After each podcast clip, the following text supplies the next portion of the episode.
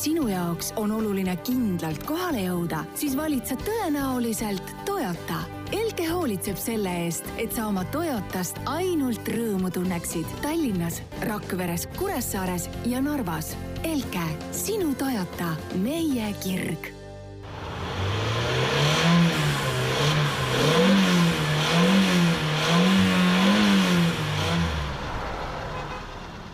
tervist ja, ilusat sombust kolmapäeva äh,, istmesoojendus on jälle teele asumas ja, ja mina olen Jan-Mattias Mandri ja minuga on Veli Rajasaar siin stuudios. tere hommikpäeva esiteks ma viskaks sellise mõtte õhku, et äh, kuna see Ott Tänaku filmi DVD on jätkuvalt loosis, siis äh, kõigepealt tuleks minna korraks ikkagi sinna Facebooki facebook.com äh, kaldkriips istmesoojendus ja, ja siis äh, seal sellest loosist osa võtta, praegu seal ülemäära inimesi ei ole, nii et ja just tahtsin küsida, et suured võimalused on? väga hea võimalus on võita endale Ott Tänaku film, midagi selleks väga tegema ka ei pea, et minge vaadake ise, kuuenda maini on aega, et praegu on, praegu on see võimalus täitsa olemas. aga mis siin ikka, hüppame siis kohe teemade juurde ja, ja kui täna on meil selline väga sportautode teemaline saade, eriti Porsche teemaline saade ja alustame siin kohe Porsche uudistega et äh, Porsche lubas siis Euroopas sellist asja nüüd, sest et äh, üheksa üks üks Carrera S ja neli S mudelitele äh, on siis võimalik saada automaatkäigukasti asemel ka seitsmekäiguline manuaalkast ja seda täiesti tasuta ja sinna juurde siis veel kogu Sportchrono see kogu varustus, ehk siis Äh, Porsche torque vectoring süsteem, mis, äh, mis siis äh, aitab jagada väänet rataste vahel, siis mehaaniline tagatihver, rehvide temperatuuriandurid, automaatne see pöörete sobitamine ja adaptiivsed mootorikinnitused. mis sa arvad, kas, kas manuaalkast on see, kuidas tegelikult peaks Porschega sõitma? absoluutselt no vot, siin ongi, küsimustki. see on tegelikult väga hea uudis, et äh, kui, kui ma siin samamoodi üheksa üks ühega sõitsin, see, millest ma puudust tundsin selle puhul, oligi manuaalkast.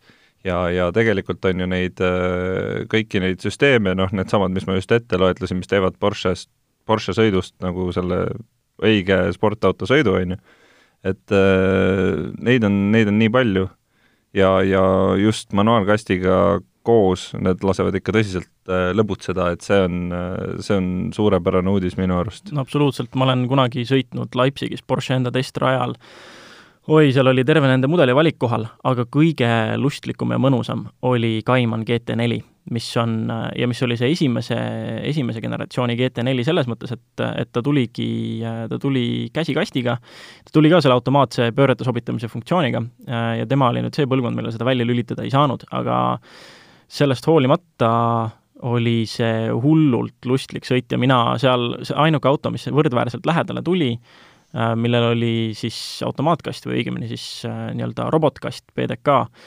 oli üheksa üks üks GT3, mis on juba noh, kõvasti kõrgema klassi auto selles mõttes ja kiirem aga see pöörete sobitamine, see rev matching, see siis nagu häiris sind pigem või? Äh, sellega on see, et mul on, mul on tunne ka, et esiteks nüüd see seitsmekäiguline käsikast, mida pakutakse, mul on tunne, et need äh, väga suure tõenäosusega hakkab juhtuma seda, et inimesed hakkavad seda valima selleks, et seda autot hoida, et see auto paremini hinda hoiaks, et see oleks mingisugune niisugune mm -hmm. kollektori ese tulevikus. ja et nad ei kasuta seda siht, sihtotstarbeliselt võib-olla nii palju ja teine asi on see, et äh, kui sa päriselt tahad seda sõidulusti pärast seda käsikasti, siis äh, noh, minu jaoks jah, see, see pöörete sobitamine võib olla tore, aga noh, nagu ma olen alati öelnud, kui mul on kolm pedaali ja käigukang ja rool, siis no ma tahan kõik asjad, mis võimalik ise ära teha. et ma tahan tunda, et mina äh, mina teen võimalikult palju ikkagi, et samamoodi see pöörete sobitamine, ehk siis see vahegaas, on ju, et sa käiku alla vahetades, näiteks kui sul on lau-, pikk lauge kurv, kus sa pead äh, kurvi jooksul käigu alla vahetama, et sa ei lööks auto tasakaalu balansist välja, see, see, see on lihtsalt nii mõnus tunne, kui sa seda ise õigesti teed, et seda ei tee mingi automaatika sinu eest. et ähm, noh see..., mina olen ilmselt täpselt see kummaline juht, kes on seal kuskil vahepeal, on ju, et kui mm -hmm. sina oled siin nagu kõvasti sõitnud, nii rajal igasuguste erinevate autodega, on ju, siis minu rajakogemus on selline suhteliselt äh, tagasihoidlik, aga, aga ma tunnen, et ma tahaks ka rohkem kontrolli, kui on see, mis on lihtsalt, mhm. on ju, paddle shifter'id et Jaa. et minu, minu arust on just äh, see ideaalne tasakaalu koht ongi see, et osad need asjad teeb automaatika ikkagi sinu eest ära, aga sulle jääb see nii-öelda käiguvahetusvõimalus ja sellega mängimine, vähemalt esialgu. et äh, noh, tõenäoliselt see ongi niimoodi, et mida rohkem sa sõidad, seda rohkem sa ka nagu tahad juurde, on ju, Mhm. aga, aga ma arvan, et äh, väga paljude inimeste jaoks võib-olla ongi see, see keskmine variant on tegelikult äh, see ideaalne tasakaalukoht, et ja, ja no samas ega PDK, PDK on tegelikult äh, üks paremaid robotkaste, millega ma sõitnud olen, ilmselgelt, et PDK-l ei ole ka midagi viga ja jällegi, kui see on nüüd see koht, kus minu jaoks nagu läheb äh, veidike lahku see, see nii-öelda taotlus või see sinu soov, et üks asi on see, et käsikast võrdub, on ju, sõidumõnuga minu jaoks. teiseks on see, et kui sa, noh, see on ka rajal väga tore, aga fakt on see, et PDK-ga Porsche'd on rajal kiiremad, on ju. et nüüd ongi see, et kui sa ajad taga nagu päriselt ringiaegu ja neid viimaseid sajandikke, siis kohe kindlasti võtavad need inim-, inimesed PDK-ga mudeli. aga kui sa ajad ainult seda lusti osa jälle taga, siis äh, su-, siis suurema tõenäosusega sa kindlasti võtad selle käsikastiga versiooni. et seal on jälle see nagu natukene lahkheli.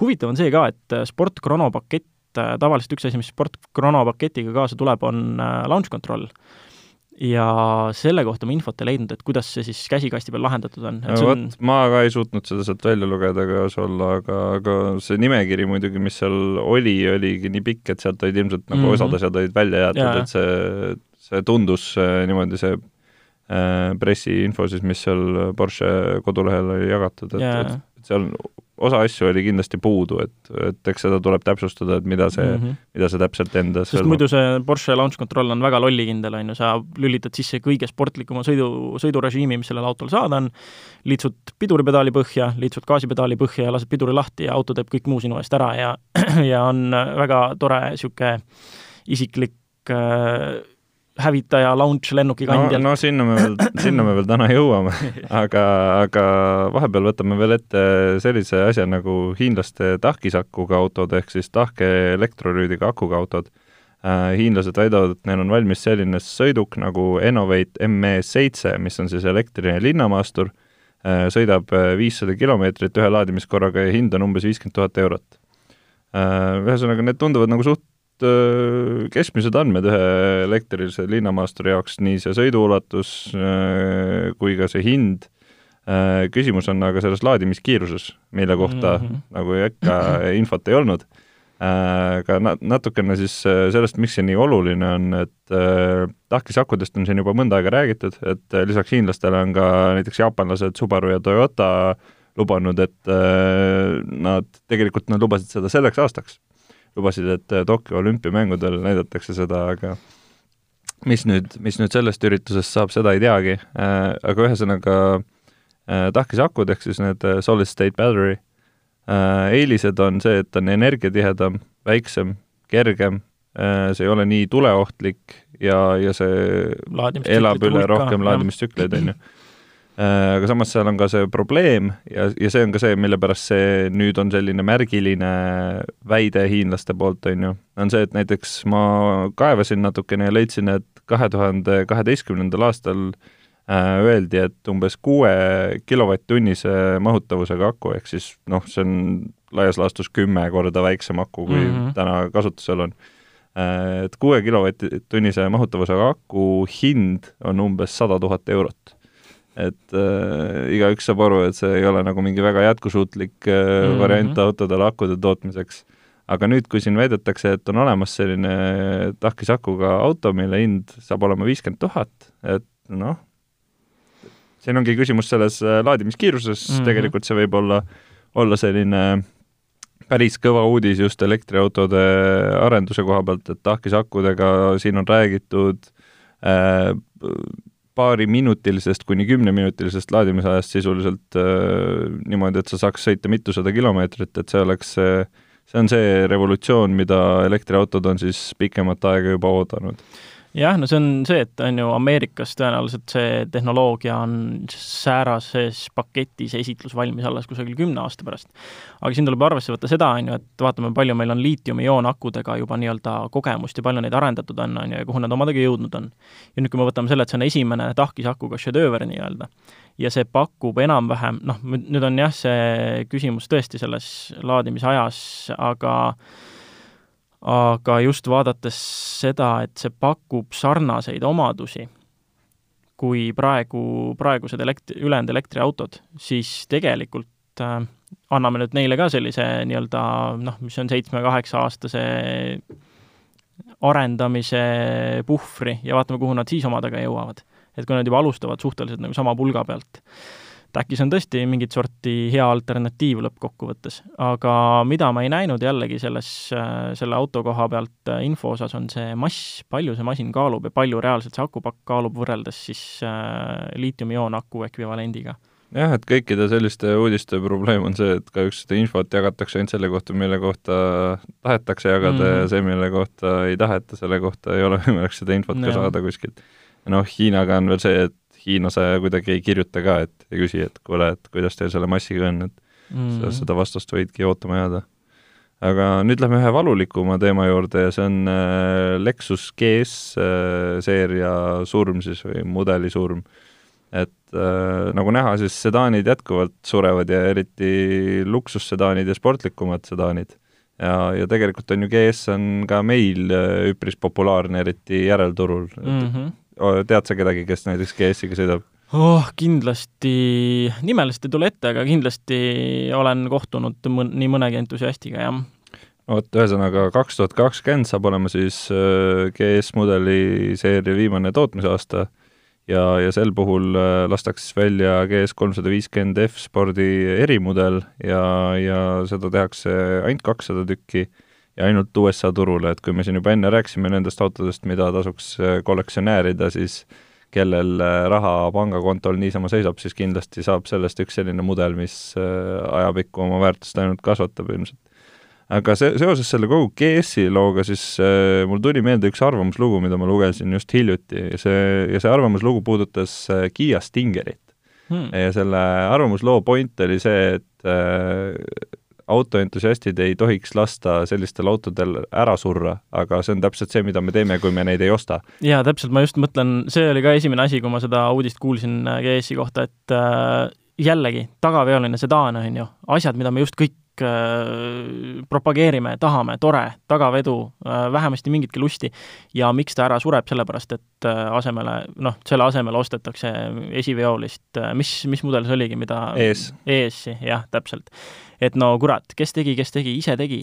no täpselt sama asi on Kiiaga, on ju, et Kiia on mm -hmm. noh, kümneid aastaid tootnud hästi sellist ratsionaalset autot, hästi mõistliku inimese auto, hea hinnaga äh,, hea hinna-kvaliteedi suhe mm, -hmm. hästi selline kõige ratsionaalsem auto, ma arvan, üldse, mida on praegu võimalik osta endale põhimõtteliselt. jaa, ja on pikk garantii ja kõik jutud. jah, ja, ja, ja, ja siis tuldi sellise mõtte peale, et kuule, aga nüüd teeme ühe üle kahesaja kilovatise niisuguse piisti, mis, millega saab nagu tõsiselt lõbutseda.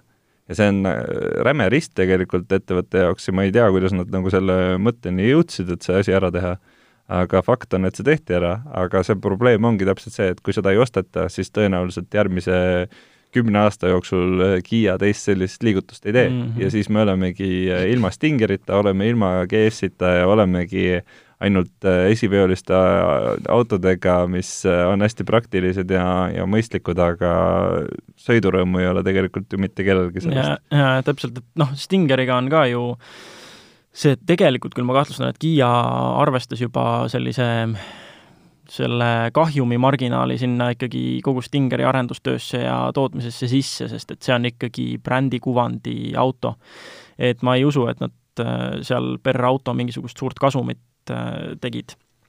Et mõtle, mis noh, sellised kuradi inf-, investeeringud tehti lõpuks ju äh,, härra Biermann BMW M-divisjonist toodi sisse, kes nii Hyundai kui Kiia sportlike mudelitega tegeleb.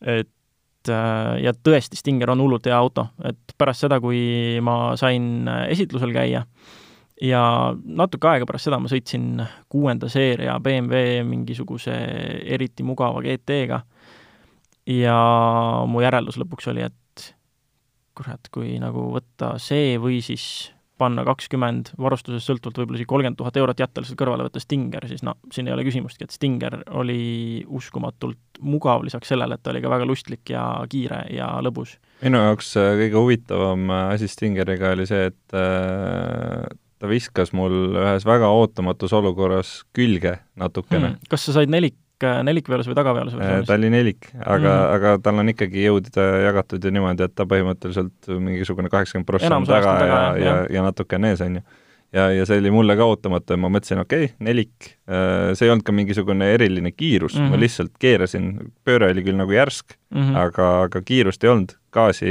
ei pannud ja, ja just nagu pöörde lõpetamisel natuke vajutasin ja siis ta korra natuke viskas külge mm. -hmm. et, äh, et selline üllatus oli, mis, mis oli minu arust nagu väga huvitav äh, Stingeri puhul ilmselt nagu üks asi on ka, mis, mis mulle tema juures ei, ei, ei meeldinud kahjuks, oli see, et äh, tal on sisse kirjutatud mingisugune säärane abi, mida ei saa välja lülitada, ja see natuke pärssis talvel lõbutsemist, et kui sa üritad teha mingisuguseid täpseid äh, poognaid või äh, nii-öelda slaalomeid mingite takistuste vahel ja hoida teda külge libisemises, siis mingist libisemisnurgast alates ta läheb oh shit, oh shit mode'i ja sul gaasipedaalil kaob funktsionaalsus. ta lihtsalt võtab sul jõu ära, isegi kui pedaal on põhjas mm.. mis tähendab seda, et kui sa ajad libisemisnurga suureks või teed mingisugust hästi tihedat pööret, siis äh, jõud on just see, mida sul tavaliselt on vaja selle olukorra päästmiseks, aga ta võtab selle jõu sult ära.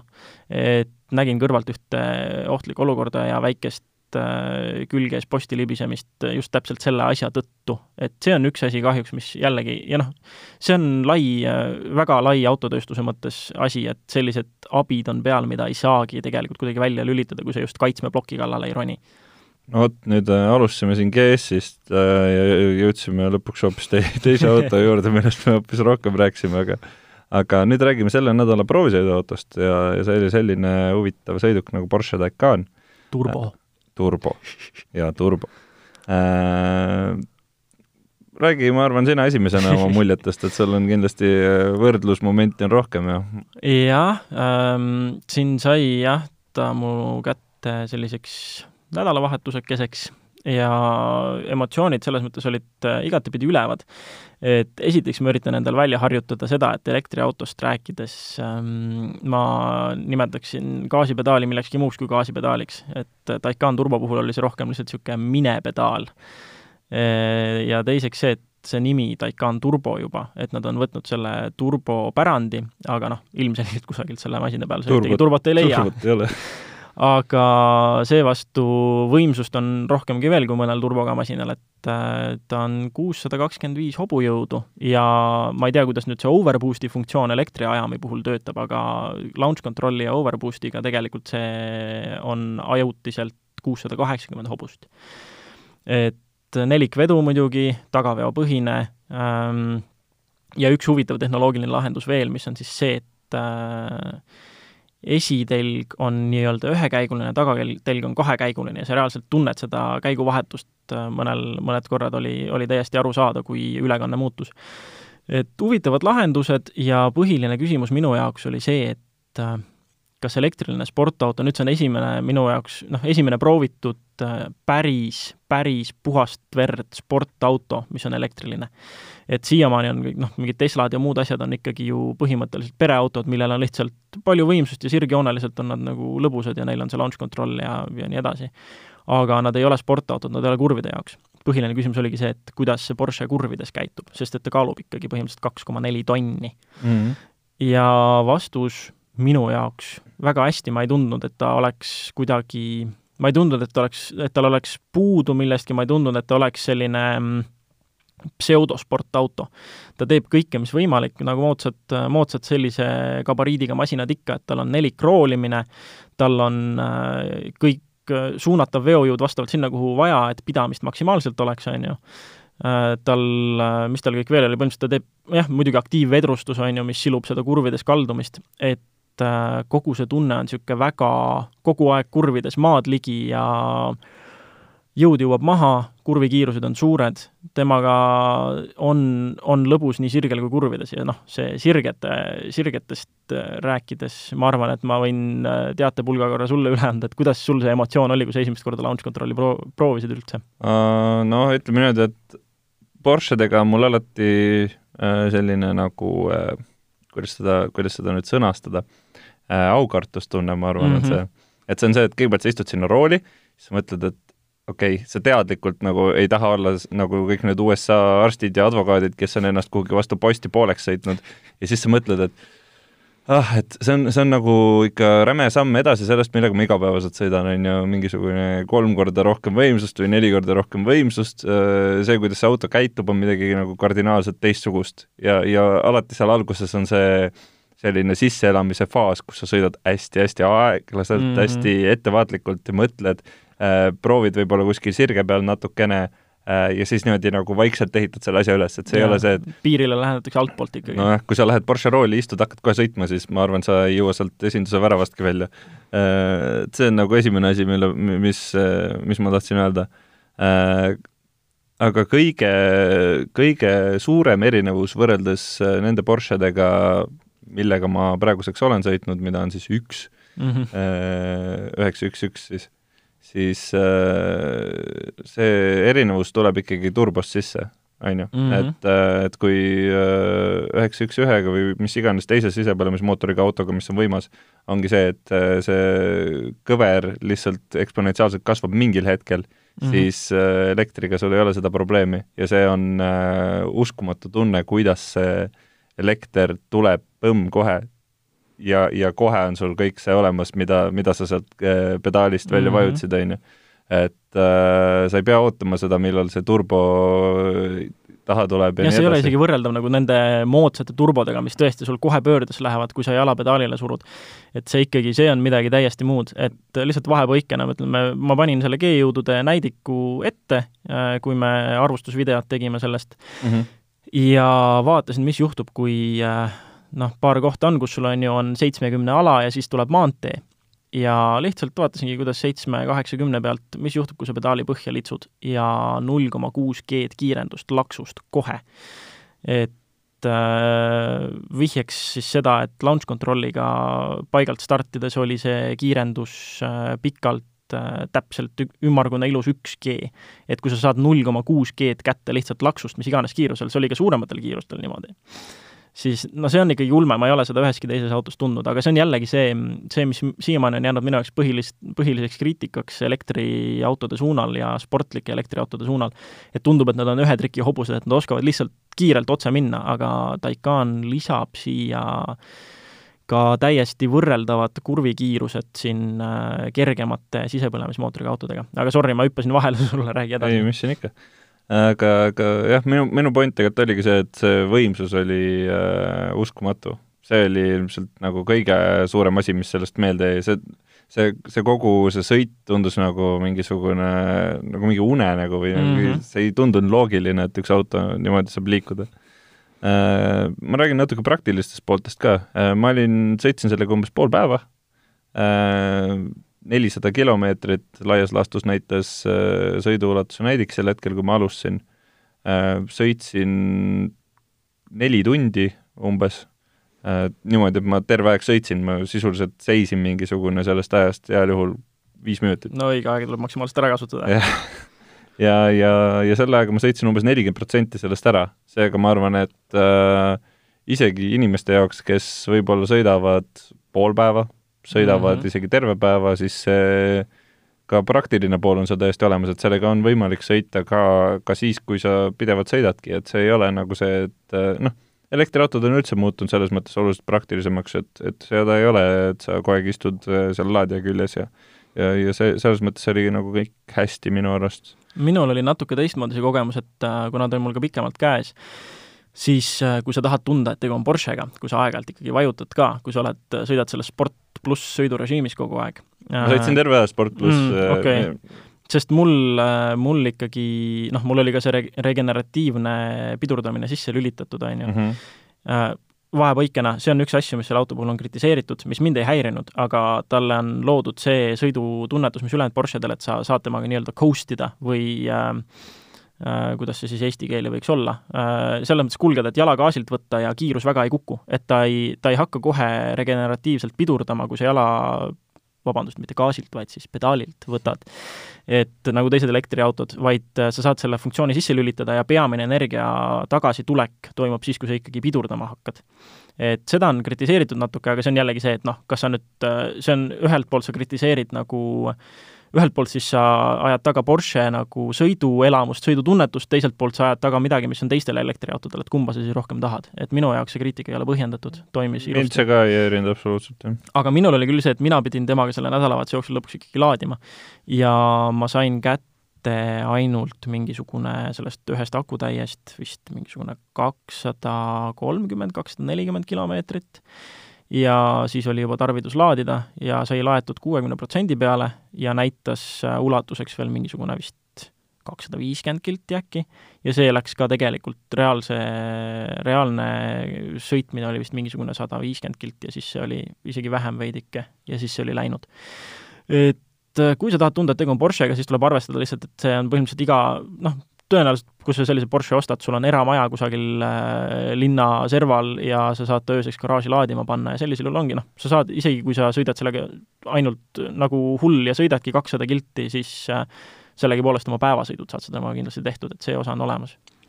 Äh, kui ma siin juba korraks äh, nüüd rääkisin, tõin sisse niisuguse sõna nagu praktilisus, siis äh, eelmine kord ma sain natukene hurjutada selle eest, et mulle öeldi, et üheksa üks üks on ka väga praktiline auto ja et paljud kliendid on selle valinud just seetõttu, et see on praktiline.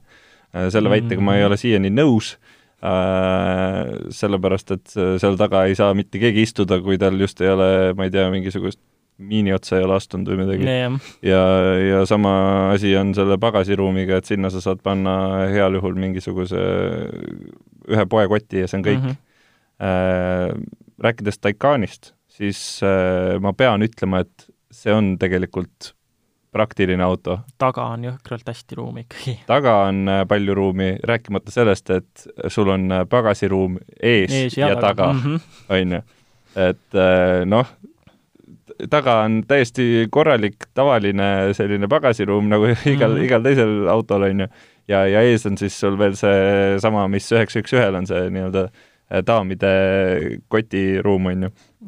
et, et selles mõttes absoluutselt ei ole mingit probleemi äh,, taha mahuvad inimesed istuma äh,, ette mahuvad inimesed istuma ja kõik muud asjad mahuvad ära. ees on väga mugavad, mõnusad äh, sportlikud istmed, mul oli enda STI-sse tagasi istudes oli jälle niisugune, teist korda elus selline tunne, et ma istuks nagu kaubikusse.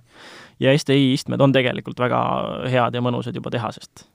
Aga äh, üks asi veel, millest äh, ilmselt igaüks tahab, et me räägime, siis äh, see asi on hind.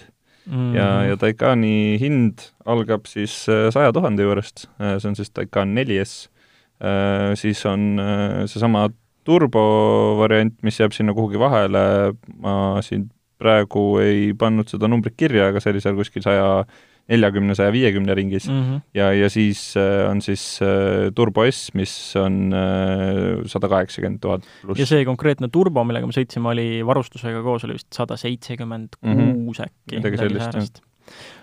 Uh, veel vahelepõige välimuse osas, ma ka tabasin ennast mitu korda sealt mõttelt ja operaator ja fotograaf ka, kes selle üles võttis ja pildistas ja asju tegi, mõlemad olime samal nõul, et ei ole põhimõtteliselt nurka, millalt see auto kole välja näeks. Et see on üks väheseid autosid, mille puhul ma vaatasin, et ma väljas, kurat, ma ei muudaks ühtegi detaili, see on see, mis Panamera oleks pidanud olema.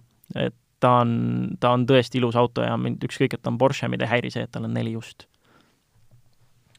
ma ütlen lihtsalt kõrvalepõikena veel ühe asja, et äh, tavakindlustusautole äh, aastaselt sada kolmkümmend kaks eurot, sellele konkreetsele äh,. Kasko pakkumist ma küll äh, ei saanud võtta, sellepärast et äh, ilmselt nad äh, Porschedele niimoodi veebist äh, puusalt neid pakkumisi ei pane, aga, aga lihtsalt selline huvitav fakt veel kõrvale mm. -hmm. Ja nüüd olemegi jõudnud nipinurga teemani ja ma ei tea, kas seda nüüd nipinurgaks saab nagu otseselt nimetada, aga, aga teema on selline, et kas tänapäevased sportautod on liiga kiired, et neid nautida ja see on äh, väga hea teema, mis siin kasvab välja sellest Taycani teemast, on ju. ja, ja siin on asju, millega Taycani juurde ka tagasi minna, sest nagu sa ütlesid, see elekter tuleb hetkega taha, on ju.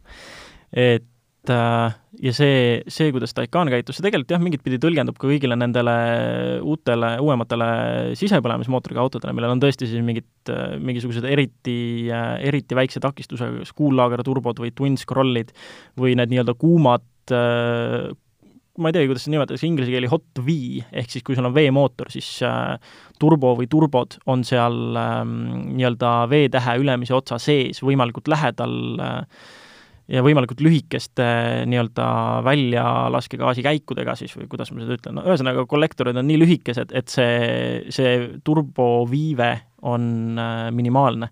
et sellega on, selle elektriga muidugi on see eriti, äh, eriti hea, kuidas see jõud lihtsalt kohe taha tuleb, et Taycaniga samamoodi, kui ma muidu proovisõite teen kõigi autodega niimoodi, et ma lülitan need elektroonilised lapsehoidjad kohe põhimõtteliselt välja, et aru saada, mis see auto päriselt teeb, kuidas ta päriselt käitub, ilma et elektroonika seda varjata üritaks. siis Taycaniga ma niimoodi pidevalt igal pool ja linna vahel sõita ei julgenud, sest et see, kuidas see elekter taha tuleb, on äh, ikkagi harjumatu. ma lihtsalt pidin tegema seda, et ma lülitasin selle veojõukontrolli, stabiilsuskontrolli välja ja üritasin temaga väikse sõõriku joonistada ja see oli niisugune fifty-fifty piruett, siis tuli enam-vähem välja, siis jälle piruett, et äh, isegi kui sul on kogemust siin ülejuhitavuse taltsutamisega ja igasuguste tagaveoliste ja nelikveoliste ja mis iganes veoliste autodega, millel on sisepõlemismootorid, turbomootorid, mis, äh, mis iganes äh, sorti äh,, kuidas ma ütlen, sisepõlemismootoriga sa tunned ära, kus see moment on, kus see jõud sul taha tuleb, hoolimata sellest, kas ta on kas ta on selline turbomootor, mis sul hakkab elama alles pärast nelja, isegi viite tuhandet pööret, nagu need vanad toredad äh, jaapanlased suurte turbodega, või siis ta on tõesti üks nendest moodsatest, sa kuidagi tunned selle teistmoodi ära, elektri puhul sa ei tunne seda ära. et Taycan oli esimene auto, millega ma ei julgenud sõita nii, et mul on veokontroll kogu aeg maas. see on harjumuse küsimus, ma arvan jaa, no kindlasti sinna ajapikku kogu äh,, kujuneb välja ka elektriliste sportautodega see, et, et noh, tal on ikkagi oma mingisugune hääl, on ju, Taycanil on see täiesti, mis mulle meeldis jällegi, on see, et tal on tal oli isegi helidisain, selles mõttes see hääl on puhas helidisain ja mis mulle meeldib, on see, et see ei ole tehtud mingisuguse sisepõlemismootori sageduste järgi või kuidagi, see ei ürita imiteerida midagi, vaid see on täiesti uus äh, helitaust, mis peakski seonduma elektriliste sportautode ja elektriliste Porschedega. et selle koha pealt kindlasti ajapikku sa hakkad ka hääles ära tajuma, et kuidas see elektriajami vilin ja mis sagedus ja kuidas, mis sagedus nagu nii-öelda, mis jõule vastab, sama kogemus, mis sul tekib sisepõlemismootori häältega lõpuks. aga ikkagi, see on lihtsalt see on lihtsalt ootamatu, kuidas elekter taha tuleb ja sa, sa pead väga ikkagi harjuma sellega, et milline see pedaali asend on, et stabiilset libisemist hoida ja milline see asend on, kus ta annab sulle juba liiga palju jõudu ja, ja sa ei saa teda enam libisemises hoida, vaid, vaid keerad saba ninast ettepoole. et ma paar korda pidin seda proovima ja tõesti, see andis mulle kohe aimu sellest, et ei, tavasõidul traction control jääb peale. nojah, ja see näitabki seda, seda kõige nagu selle probleemi tuuma, et mm -hmm. need autod on üle pea kasvanud, võiks ma, mina, mina ütleks selle kohta mm -hmm. niimoodi, ma mäletan, ma sõitsin äh, M-seeria BMW-dega, on ju, Pikernike ringil ja, ja vahet ei ole, kas sa sõitsid M2, M5-ga mm, -hmm. sa tundsid, et alati jäi varu ja, ja., ja sellest hetkest sa ei saa, sa ei saa mitte kunagi seda tippu kätte, et ma ei kujutagi ette, mis see, mis see nagu olukord, see peab olema mingisugune, ma ei tea, a la äh, kolmekümne kilomeetri pikkune lennuväli, kus sa selle tipu kätte saad, et äh, muud moodi see ju ei ole võimalik, et äh, noh, kiirenduse tippu sa tõenäoliselt saad kätte aga tegelikult seda kiiruse tippu ja seda, kus maal see auto äh, sinu jaoks muutub ohtlikuks või kus maal sa seda taltsutada ei jõua kõigi nende juhiabidega, see, see koht on kuskil, kuskil mujal. et mm, -hmm. et sa mhm. ilmselt ei jõuagi selleni kunagi. Muidugi see küsimus on teine, kui sa lülitad kõik asjad välja, on ju. Mhm. aga, aga just see juhiabide probleem või noh, ma ei tea, kas see on probleem, see on pigem ikkagi liiklusohutuse seisukohast on ju väga hea asi, on ju aga, aga just see noh, sa ei saa kunagi teada, mis selle auto tipp tegelikult on. no ongi, sa peaksid selle auto endale ostma ja väga tihedalt sellega käima rajal ja õppima seda tühjaks sõitma ja see on tegelikult, see ei ole nii lihtne, et sul võib olla seda kogemust ja noh, nagu sa ütlesid, sul ei ole rajakogemust peaaegu üldse, ma ütleks, et mul natuke on, et ja see natuke on säärane, et suvel ma ikkagi üritan iga nädal korra rajale saada. et ja ma ei tunne, et oleks palju autosid, mida ma tegelikult tühjaks sõita suudan, et kurat, isegi enda STi-d ma ei, ma arvan, ma ei sõida kümme kümnendikku maksimumi sellega ikka veel. et äh, see võtabki nii palju aega, et aru saada, kus need piirid on ja, ja kust enam üle minna, kust enam üle minna ei tohi ja see piirile altpoolt lähenemine on paraku selline asi, mis ütleme siis nii, et jah, kui sul, kui sul see, see, kui sa lähened hästi niimoodi metoodiliselt ja aeglaselt, siis äh, siis see võtabki aega, et aru saada, kus see, kus see piir tegelikult on. siis sa lihtsalt ei tee mingit spektakulaarset õnnetust, kui sa selle piirini jõuad, et kui sa niimoodi aeglaselt lähened aga ühesõnaga jah, see, et need autod lähevad nii kiireks ja see, need võimsuskõverad lähevad aina lineaarsemaks ja, ja ei ole enam sellised nagu tõesti, nagu siin ütleme, seitsmekümnendate üheksa üks üks turbodel või säärastel asjadel, mis tõesti ongi vabalt hingav, vabalt hingav, vabalt hingav, oh issand, mis see oli, et kusagil pärast viite tuhandet pööret alles. Et äh, need olid tõesti lesestajad, ähm, aga, aga praegu nende moodsamate masinatega jah, see sa pead nendega ikka kuidagi väga kokku kasvama ja tõesti sõitma kõik elektroonilised lapsehoidjad väljas ja proovima igatepidi neid piire ja alustama väikestelt radadelt ja noh, ja tõesti ongi fakt see et, et üheksakümmend üheksa protsenti nendest ostjatest, isegi rohkem tõenäoliselt, ei jõua kunagi elus nende piiride lähedale, mida need masinad tegelikult suudavad. et suurema tõenäosusega nad üritavad midagi lolli ja lähevad üle iseenda piiride ja siis juhtuvadki auto ümber posti pooleks või midagi säärast asjad. jah Äh, ma mäletan ka ühte vestlust, mis mul oli eksprompt ühe teise GTI juhiga ja see, see vestlus oli selline, et me olime natukene mõõtu võtnud omavahel ja siis mm -hmm. me mhm. jäime tee äärde seisma ja, ja rääkisime paar sõna ja ta ütles, et et to-, tore näha, et keegi seda autot umbes pool sihtotstarbeliselt kasutab.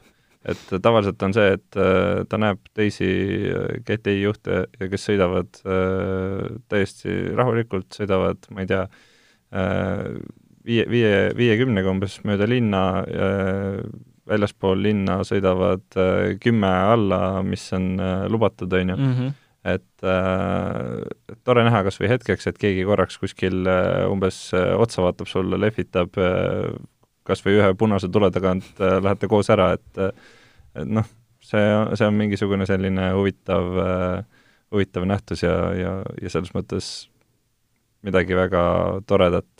et see on, see on, see on nagu see, mis ma tahtsin siin lõppude lõpuks öelda, et et äh, see küsimus äh, ei ole ainult selles, et sa peaksid autot äh, maksimumini viima mm, -hmm. vaid, vaid see on ka lihtsalt mingisuguste väikeste asjade üle rõõmu tundmine, et selline tore mõte siis siia saate lõppu aitäh teile kuulamast ja, ja kuulame juba järgmisel nädalal